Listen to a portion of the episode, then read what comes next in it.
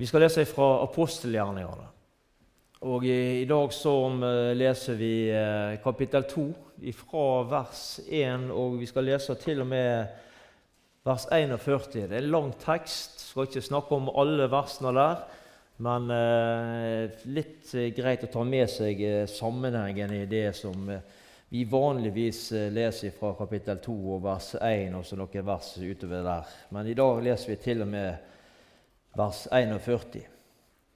Og Da pinsefestens dag var kommet, var de alle samlet på samme sted. Da kom det med ett en lyd fra himmelen, som når et veldig stormer farer fram og fylte hele huset der de satt. Og det viste seg for dem, eh, for dem tunge, liksom av ild, som delte seg og satte seg på hver enkelt av dem. Og eh, Da ble de fylt med Den hellige ånd, og de begynte å tale i andre tunger, alt etter som Ånden ga dem å tale. Nå bodde det i Jerusalem gudfryktige jødiske menn fra alle folkeslag under himmelen. Eh, da denne lyden hørtes, samlet eh, det seg en stor folkemengde. Og de ble forvirret fordi de hørte dem tale enhver på sitt eget språk. De ble helt ute av seg av undring og sa:" Er ikke alle disse som taler, galileere? Hvordan kan det da gå til at hver av oss hører vårt eget språk, det som vi er født i? Vi, vi partere og medere og elamitter, vi som bor i Mesopotamia, Juda og eh, Kapedokia, Pontus og Asia, Frigia og eh, Pamfylia, Egypt og området i Libya mot Gyrena, og vi tilreisende fra Roma, både jøder og tilhengere av jødenes tro, kretere og arabere. Vi, hør, vi hører dem alle tale om Guds store gjerning på vårt eh, eget språk. Alle, de, alle ble forferdet og var i villrede. Og den ene sa til den andre, Hva kan vel dette være? Men andre sa spottende, De er fulle av søt vin. Da sto Peter fram sammen med de elleve. Han hevet røsten og talte til dem. Jødiske mann og alle dere som bor i Jerusalem, la dette være kjent for dere, og lån øre til mine ord. For disse er ikke drukne, slik som dere mener. Det er jo bare den tredje timen på dagen. Men dette er eh, det som er sagt ved profeten Joel. Det skal skje i de siste dager, sier Gud. Da vil jeg utyde min ånd over alt kjød. Deres sønner og deres døtre skal tale profetiske ord. Deres unge menn skal se syner og de gamle blant dere skal ha drømmer. Selv over mine treller og trellkvinner vil jeg i de dager utgyde av min ånd, og de skal tale profetiske ord. Jeg skal gjøre, mine, eh, eh, gjøre under eh, oppe på himmelen og tegn nede på jorden, blod og ild og røykskyer. Solen skal bli forvandlet til mørke og månen til blod, før Herrens dag kommer, den store og herlige. Og det skal skje, hver den som påkaller Herrens navn, skal bli frelst. Israelittiske menn, hør disse ord. Jesus fra Nasaret var en mann utpekt for dere av Gud ved kraftige gjerninger, under og tegn som Gud gjorde ved Han midt iblant dere, som dere selv vet. Han ble forrådt etter Guds fastsatte råd og forutviten, og dere slo han i hjel idet dere naglet han til korset ved lovløse menns hender. Han reiste Gud opp idet han eh, løste dødens veer, for det var umulig for døden å holde han fast. For David eh, sier om han, jeg hadde alltid Herren for mine øyne, for han er ved min høyre hånd, så jeg ikke skal rokkes. Derfor gledet mitt hjerte seg, og min tunge jublet. Ja, selv mitt kjød skal legge seg til å hvile med håp.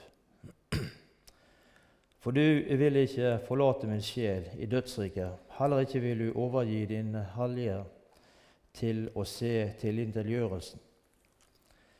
De kunngjorde meg livets veier, og eh, du vil fylle meg med glede for ditt åsyn.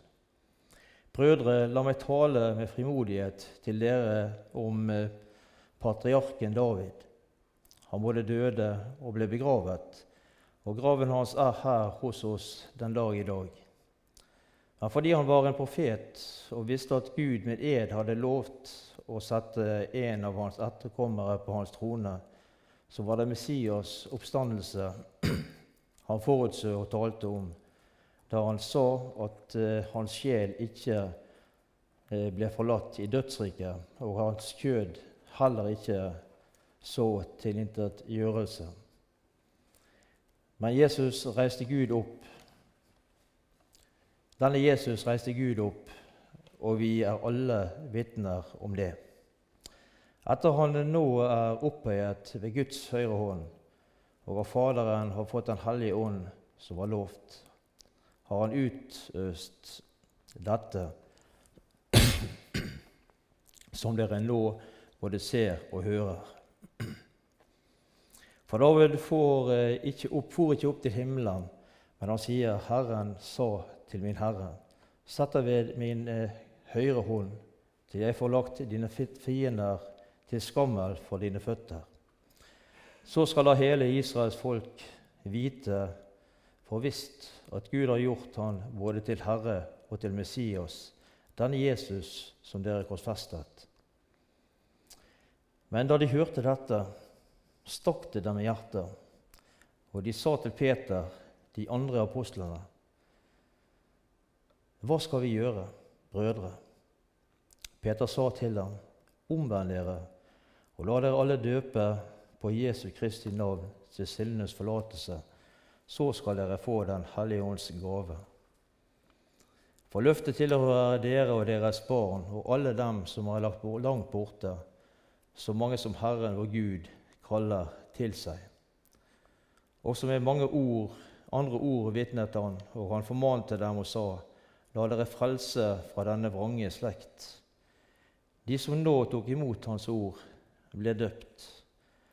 Den dagen ble det lagt til omkring 3000 sjeler. En lang tekst, men eh, greit å lese det for, for sammenhengen sin, sin skyld. Og eh, pinsedag det er den andre av de store høytidene i Israel, og den kom jo mellom påske og løssalgsfesten. Den ble også kalt uh, ukens høytid, og det var på grunn av at, eh, det, det kun, altså det, at den kom 50 eh, dager etter etter påske, altså etter sju uker. Man kalte også denne her, dagen her for lovens fødselsdag. Men hva betyr pinse for oss? Jeg hørte her eh, jeg tror det var fredag når jeg eh, reiste hjem fra jobb. Det var en reporter som var ute på gata og spurte folk som han møtte, hva pinsen Om noen som kunne forklare hva, hva pinse var for noe. Og det var flere som prøvde seg. Og, eh, men var, de viste seg at det var ingen som, kunne, som visste eller kunne forklare hva pinse var for noe. Og Noen forbandt det med ei lang helg, og det er jo eh, sant. Det er jo en lang helg. Men det er ikke det pinsen handler om. Og eh,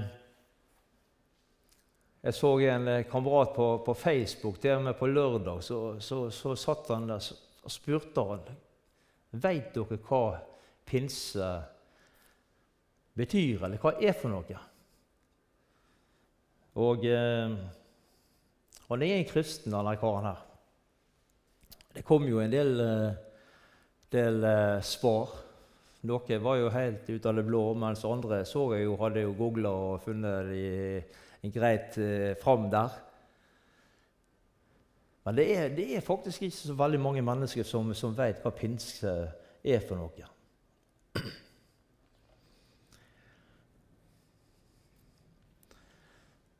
Pinsen, som vi sa, ble også kalt lovens fødselsdag. Og det var fra gammelt av. Men med tanke på det så var det, det var store kontraster mellom det som skjedde pinsedag, og eh, det som skjedde på Sinai, eller Horeb på Sinai-fjellet, når eh, israelsfolket mottok, eller Moses mottok de tolv ti bud. Stor kontrast. Vi kjenner til det som, eh, det som skjedde på, på Sinai-fjellet. Der åpenbarte Gud seg i røyk, leser vi i, Mosebøkene. Men det som kjennetegner pinsen, det er jo ilden. Det er ilden. Det var ingen som fikk komme nær Sinai-fjellet når Moses var der oppe og mottok disse steintavlene. Ingen. Mens når vi leser her i teksten som vi leser i dag, så ser vi at mennesket ja, nærmest strømmer sammen på pinsedag. Og eh, Hvis vi drar, ser på kontrastene, så fortsetter de. Fordi Ved Sinai så leser vi at eh, ca. 3000 mennesker ble drept og når vi leser i teksten i dag om pinsedag, så ser vi at 3000 mennesker ble døpt. Kontrastene er store.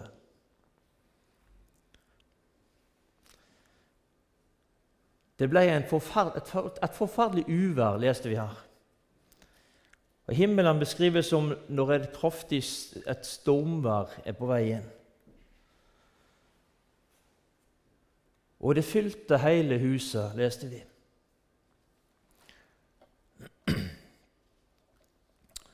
Og i, eh, i første kongebok, kapittel 8 og i vers 10 der,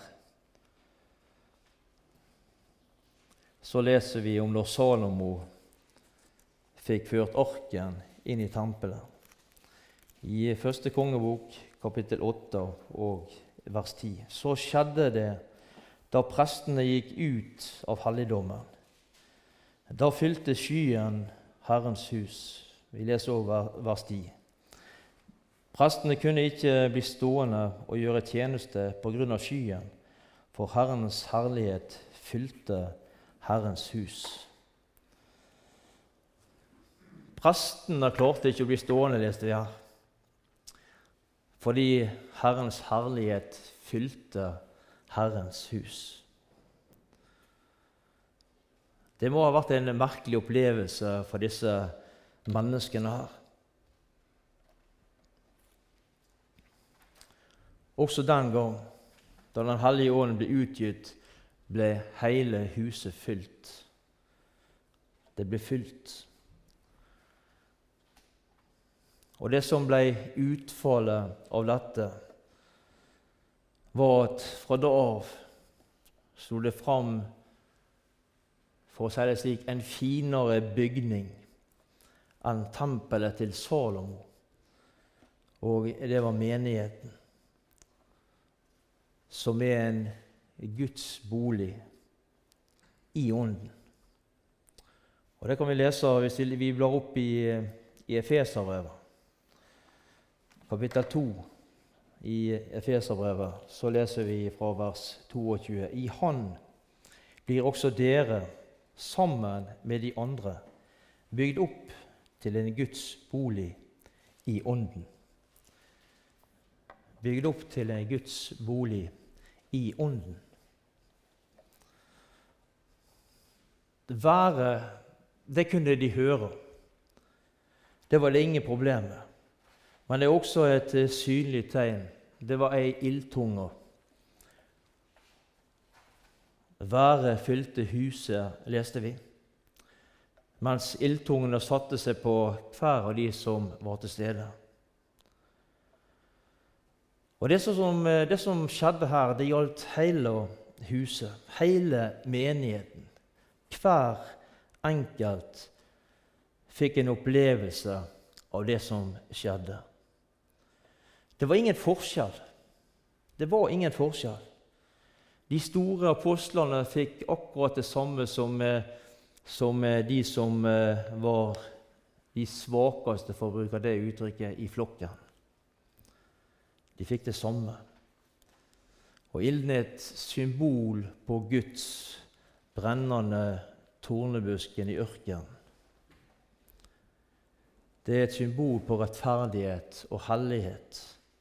Og Det var jo det Moses fikk oppleve med denne, denne tornebusken som eh, brant i ørkenen. Symbolet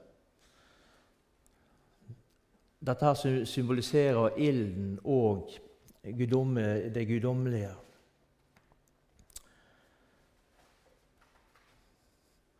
Det fulgte også et tredje tegn med det som skjedde på pinsedag.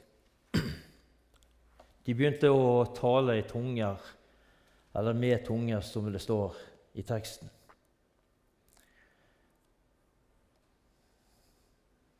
Disse menneskene som ble samlet, var samla der, de ble et talerør for Den hellige ånd.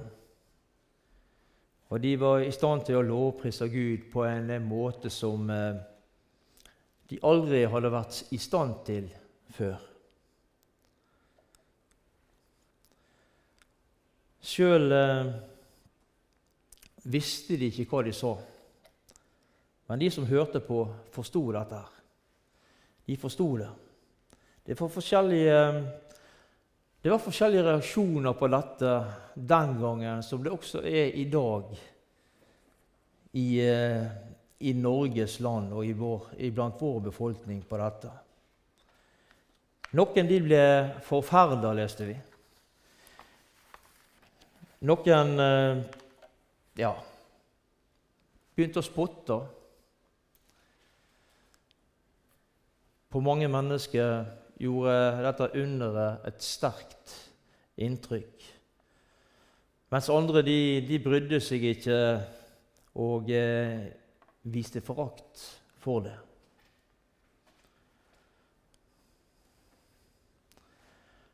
Det står det at det hadde samla seg en stor folkemengde. Og De undra seg, og de sa Er ikke alle disse som taler Galilea Galileerne de var ikke kjent for å, for å være særlig lærde mennesker.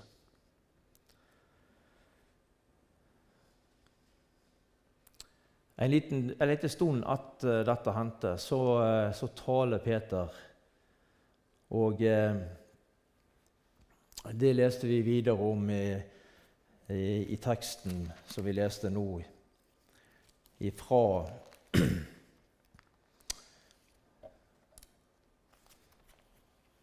fra i Apostelgjerningen 2 og fra vers 14 og videre. Så eh, så eh, står Peter fram og taler. Og Peter han taler på det arameiske språket, og alle forsto hva han sa. Og folket undra seg, leste vi. I vers, eh, i vers 8 til, eh, til 13 så står det slik Hvordan kan det da gå til at hver av oss hører vårt eget språk, det som vi er født i? Vi partere og medere og elamitter, vi som bor i Mesopotamia, Juda og Kapadokia, Pontus og Asia, Frygia og eh, Pamfylia, Egypt og områdene i Libya mot Kyrene og vi tilreisende fra Roma. Både jøder og tilhengere av jødenes tro. Kretere, aramere, vi hører dem tale om Guds store gjerning på vårt eget språk. Alle ble forferdet og var i villrede, og den ene sa til den andre, Hva kan vel dette være? Men andre sa spottende, de er fulle av søt vin.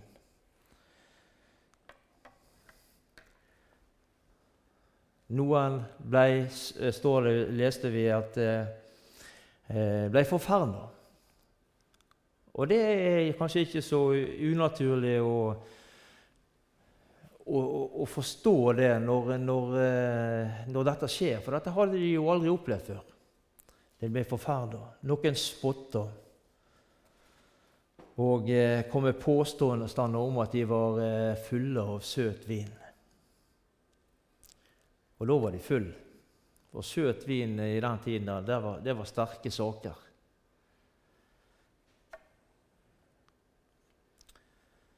I vers 14 eh, og eh, til og med vers 36 så får vi denne talen til Peter.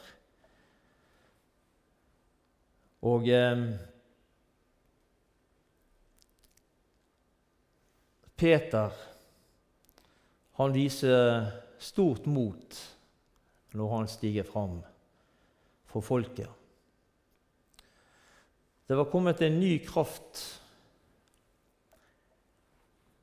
noe nytt over Peter, som skyldtes den opplevelsen som han nettopp hadde fått oppleve.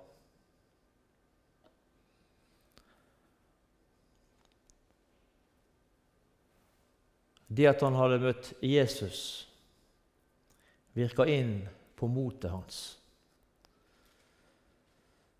Det, det, var en annen Peter, for å si det slik, som eh, for en stund tilbake som hadde banna på at han ikke kjente Jesus, som stilte seg fram der for folket denne dagen.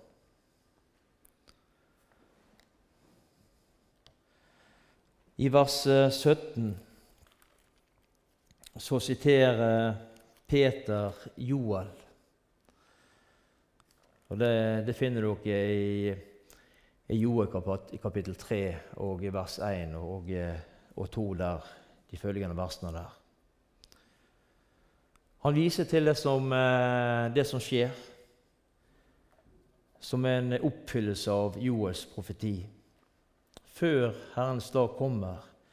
Før denne dagen kommer, skal det bli slike synlige tegn som eh, Joel her taler om. Men også det som skjer, hadde Joel eh, forkynt om.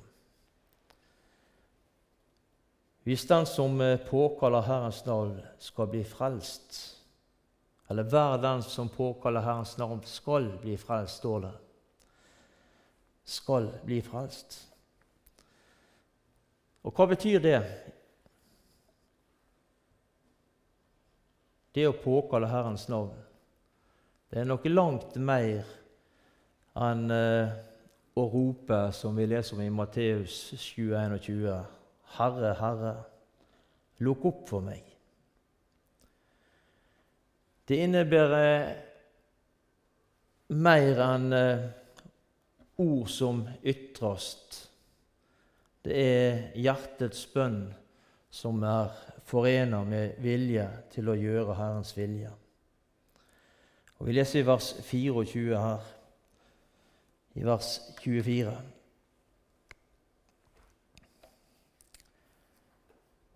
Han reiste Gud opp idet han eh, løste dødens veer. For det var umulig for døden å holde han fast. leser vi i vers 24 i teksten. Og her kommer vel det egentlig det store klimakset, for å si det slik. Klimakset. Gud oppreiste Jesus. Oppstandelsen skjedde ved Guds kraft Og dette er det, for å si det slik, egentlige beviset, eller endelige beviset, for at Jesus var Guds Messias, Guds sønn. I, i, i Romerbrevet, kapittel 1, så leser vi fra vers 1. Romerbrevet, kapittel 1, og vi leser fra vers 1. Paulus, Jesu Kristi tjener, kalt til apostel, utskilt for, Guds evangelium, det som han eh, forut har gitt løfte om ved sine profeter i hellige skrifter, om hans sønn, han som etter kjødet er kommet av Davids ett, og som hellige, eh, hellighetsånd er godtgjort å være Guds veldige sønn ved oppstandelsen fra de døde, Jesus Kristus, vår Herre. Det var, det var umulig at døden kunne holde på Jesus. Han, visste, han viste seg som, som heier, seiersherre over død og grav. Og Vi leser også fra Efeserbrevet. Vi leser fra Efeserbrevet kapittel 1 der. Vi kan uh, lese ja, I utgangspunktet er det vers 20, men vi leser fra vers 15 for sammenhengens skyld. Derfor, etter at dere har hørt om deres tro på Herren Jesus, og om den kjærlighet til alle de hellige. Holder jeg ikke opp med å takke Gud for dere når jeg minnes dere i bønnene mine. Og jeg ber om at eh, vår Herre Jesu Kristi Gud, Herlighetens Far, må gi dere visdoms- og åpenbaringsånd til kunnskap om seg, og gi deres hjerte oppfylte øyne, opplyste øyne, så dere kan forstå hvilket håp han har kalt dere til. Hvor rik på herlighet hans arv er blant de hellige, og hvor overveldende stor hans makt er for oss som tror, etter virksomheten av hans veldige kraft. Så kommer det i vers 20. Det var denne han viste på Kristus da han reiste han opp fra de døde og satte han ved, seg, ved sin høyre hånd i himmelen.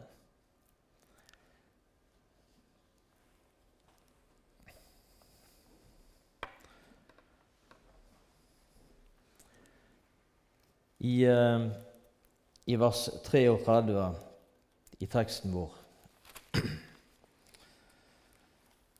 etter at han er nå opphøyet ved Guds høyre hånd, og av Faderen har fått Den hellige ånd, som var lovt, har han utøst dette, som dere nå både ser og hører.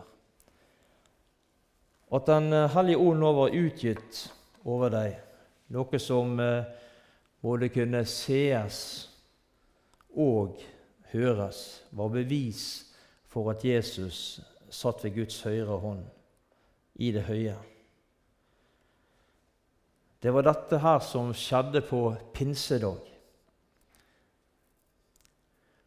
Når dette skjedde, så beviste dette at Jesus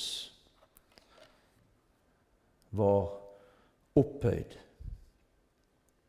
I vers 34 i teksten så står det for David for ikke opp til himmelen, men han sier, 'Herre, Herren sa til min Herre, sett deg ved min høyre hånd, til jeg får lagt dine fiender til skammel for dine føtter.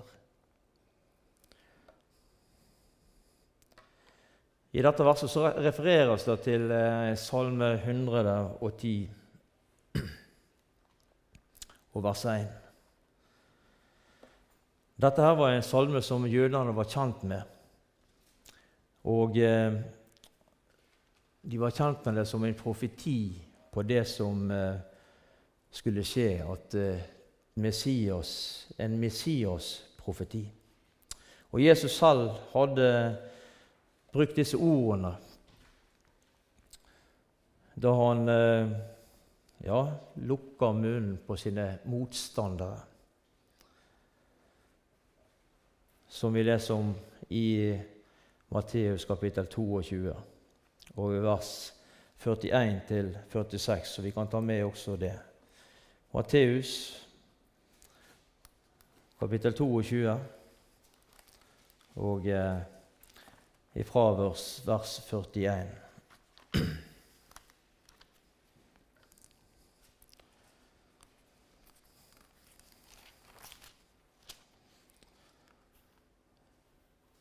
Men mens fariseerne var samlet, spurte Jesus dem, hva mener dere om Messias?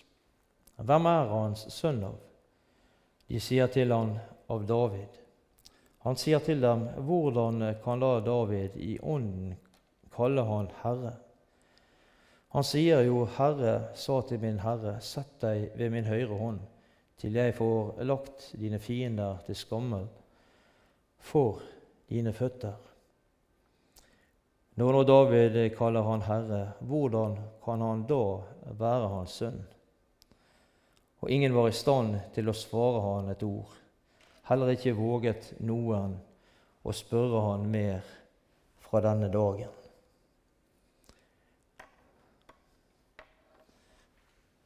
De, han stagga disse fariseerne i forhold til det som var spørsmålet.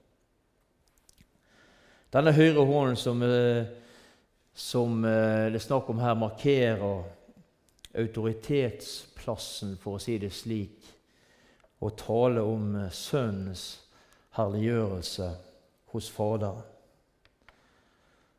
Og i, i, vers 37 og 38 så stiller folket et spørsmål til Peter.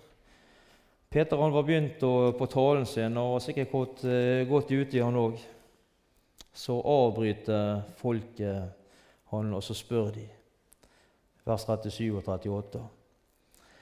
Men da de hørte dette, stakk det dem i hjertet, og de sa til Peter og de andre apostlene.: Hvem, eh, hva skal vi gjøre, brødre? Peter sa til dem, omvend dere og la dere alle døpe på Jesu Kristi navn til syndenes forlatelse, så skal dere få Den hellige hånds gave. Folket de eh, avbrøt Peter i talen. Og det skyldtes en overbevisning de fikk i sitt hjerte. En overbevisning. Det stakk deg i hjertet, leste vi. I motsetning til da Stefanus ble steina. Han ble også avbrutt, men da skyldtes det hat imot Kristus. Og Leser vi litt lenger ut i apostelgjerninga, så ser vi også at, eh, at Paulus ble avbrutt fordi folket var vantro, og at de og at det var pga. Av eh, avgudsdyrkelse osv.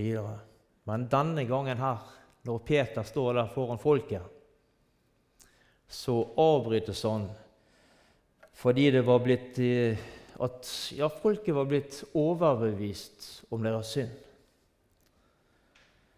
Den hellige ånd hadde overbevist de menneskene som sto der og hørte på Peter og den talen som han var begynt på.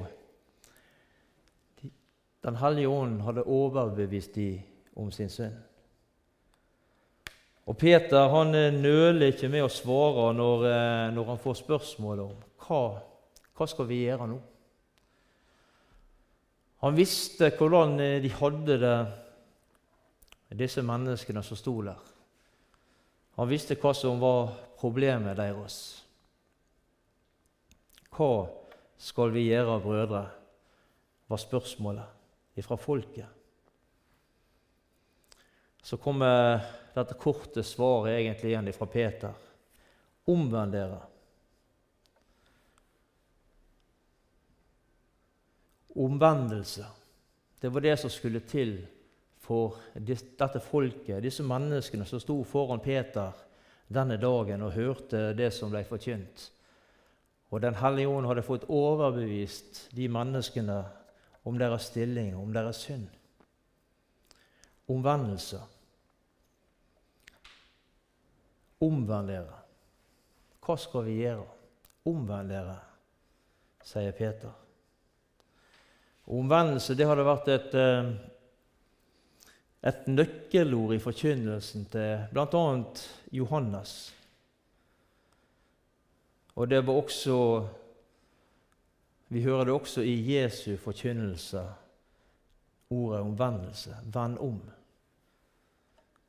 Hva betyr omvendelse? Jo, det, det betyr nettopp det å vende seg fra sin synd, eller sine synder, og gå til Gud.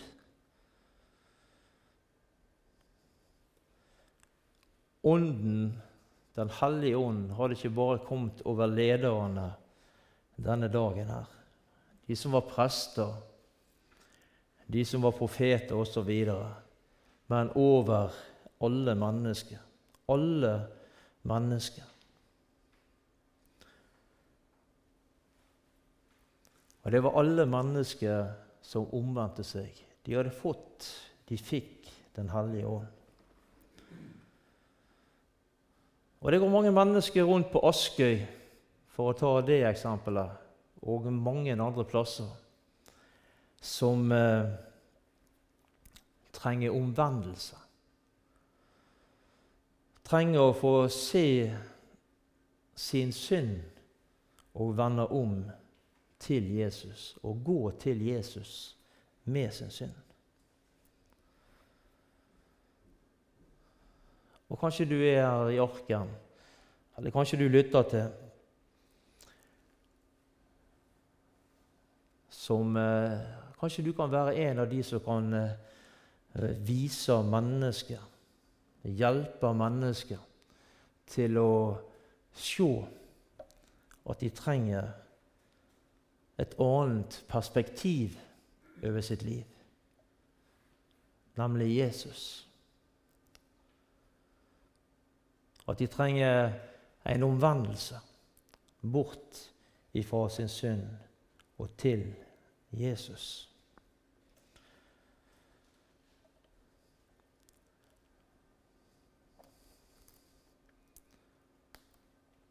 Hva slags eh, oppgave har Den hellige ånd? Hva slags oppgave har han? Vi skal gå til eh, Johannes. Og Vi skal eh, lese i Johannes kapittel 16, vers 5 og utover noen vers. Nå går jeg bort til Han som har sendt meg, og ingen av dere spør meg, hvor går du Han? Men fordi jeg har sagt dere dette, har sorg fylt deres hjerte. Men jeg sier dere sannelig sannheten. Det er til gagn for dere at jeg går bort. For dersom jeg ikke går bort, kommer ikke talsmannen til dere. Men går jeg bort, da skal jeg sende Han til dere. Og når Han kommer, skal Han overbevise verden om synd og om rettferdighet og om dom. Om synd fordi de ikke tror på meg, om rettferdighet fordi jeg går til Faderen og dere ser meg ikke lenger. Om dom fordi denne verdens fyrste er dømt. Ennå har jeg mye å si dere, men dere, ikke, dere kan ikke bære det nå. Men når Han kommer, sannhetens ånd, skal Han veilede dere til hele sannheten. For Han skal ikke tale av seg selv, men det Han hører, skal Han tale, og de kommende ting skal Han forkynne dere. Han skal helliggjøre dere, herliggjøre dere, for han skal eh, ta, sitt, ta av mitt og forkynne det for dere. Alt det som Faderen har, er mitt. Derfor sa jeg, til, sa jeg at han tar av mitt og forkynner for dere. Her leser vi om ja, vi kan si de tre viktigste oppgavene til Den hellige ånd. Han skal overbevise, han skal veilede, og han skal herliggjøre. Overbevise. Det er forskjell på å, å lære noe og bli overbevist av noe. En, en lærdom kommer utenfra. Altså det, er en, det er noe som kommer utenifra. En overbevisning den vokser fram her innifra. En lærdom er noe du kan ta eksamen på. Men en overbevisning er noe du kan dø på. Gjennom Bibelen vil Gud lære oss sannheten å kjenne utenifra. Og ved Den hellige ånd vil Gud overbevise deg om sannheten her innifra. Den hellige ånd den overbeviser om tre ting. For det første synd. Sentrum, for å si det slik, i synd, det er vantro. Det er, dette er de ufrelste menneskenes største problem. At uh, de ikke vil tro på Jesus. For det andre rettferdighet. Jesus han har vært her i verden og gjort eh, ferdig et frelsesverk. Og Nå er han i himmelen hos sin far og er fornøyd med dette frelsesverket. Og på det samme frelsesverket kan også du og jeg nå himmelen. For det tredje så er det dom. Gud, ja, Guds hovedmotstander, den, han heter djevelen. Og han er allerede under Guds dom. Men det samme gjelder også de som ikke vil la seg frelse. Alle som står Gud imot, har ingen framtid. Ånden, Den hellige ånd, skal, skal veilede. Og vi har hørt, Det er mange forskjellige navn på Den hellige ånd som er brukt. Og sannhetens ånd må være en av de fineste navn som finnes på Den hellige ånd. Sannhetens ånd. Sannhetens ord er det fineste navnet på Bibelen, Guds eget ord. Og eh, setter vi disse to uttrykkene sammen, så sier det noe om eh, den tette forbindelsen som er mellom Guds ånd og Guds ord. Altså mellom Den hellige ånd og Bibelen. Og det er Den hellige ånd som veileder og inspirerer de mennesker som for, ja, for lenge siden har eh, skrevet dette budskapet som, eh, som står i Bibelen. Guds apostler, Guds profeter osv. Og, og det er Den hellige ånd som veileder deg og meg når vi i dag leser vår Bibel, så vi kan forstå hva, det, hva det er Gud taler til oss om det er Den hellige ånds en av Den hellige ånds oppgaver. Herliggjørelse.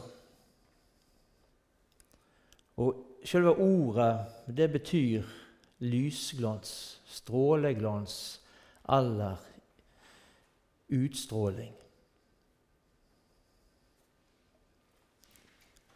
Ordet herliggjørelse betyr å kaste lys over. Også dette er en av Den hellige ånds viktigste oppgaver.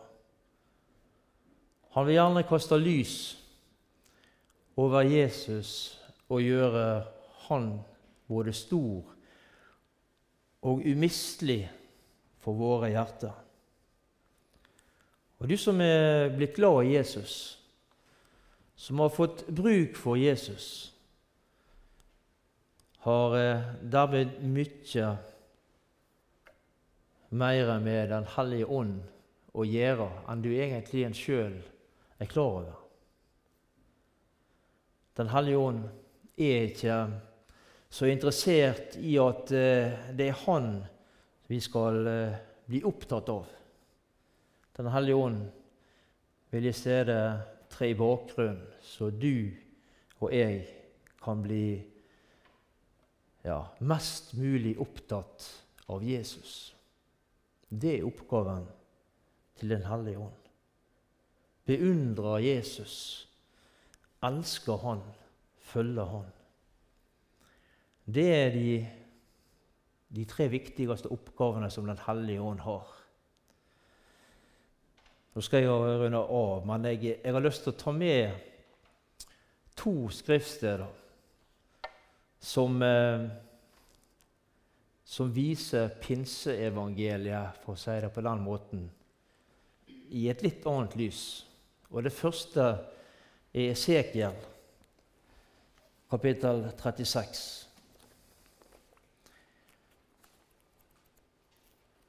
Esekiel kapittel 36. Og Vi leser fra vers 26. Vi leser 26 og 27 der. Jeg vil gi dere et nytt hjerte, og en ny ånd vil jeg gi i dere. Jeg vil ta bort steinhjertet av deres kjød og gi dere et kjøthjerte. Min ånd vil jeg gi inne i dere og jeg vil gjøre det så at deres, dere følger mine bud og holder mine lover og gjør etter den. Og hvis vi går til 2. Eh, Timoteus, der Paulus er inne og, skriver noe, så kan vi ta også dette med som et, en del av pinsens budskap. Første, eller 2. Timoteus kapittel 1 og vers 7. For Gud gav oss ikke feighetsånd eller motløshetens ånd, som det står noen plasser, men krafts- og kjærlighets- og sindighetsånd. Slik er, slik er Gud. Slik er Den hellige ånd. Han er til. Han er der for å overbevise og for å veileder og leder oss på en, god, på en god måte i våre kristne liv. Jeg har lyst til å helt til slutt å ta med et vers fra Romerbrevet 8. Romerbrevet 8. Et, et vers til ettertanke. Jeg skal ikke si mer enn det, men et vers til ettertanke. Romerbrevet kapittel 8, vers 14. For så mange som drives av Guds ånd, de er også de er Guds barn. For så mange som drives av Guds ånd, de er Guds barn. Takker deg, Jesus, for denne dagen. Takk for denne pinsedagen der du utgyter din eh, hellige ånd over de menneskene som var til stede der. Og så har du utgitt din Hellige Ånd over alle de mennesker som har sagt ja til deg, og som har omvendt seg til deg. Så har alle fått Den hellige ånd. Og så må du eh, hjelpe mennesker, hjelpe oss som sitter her.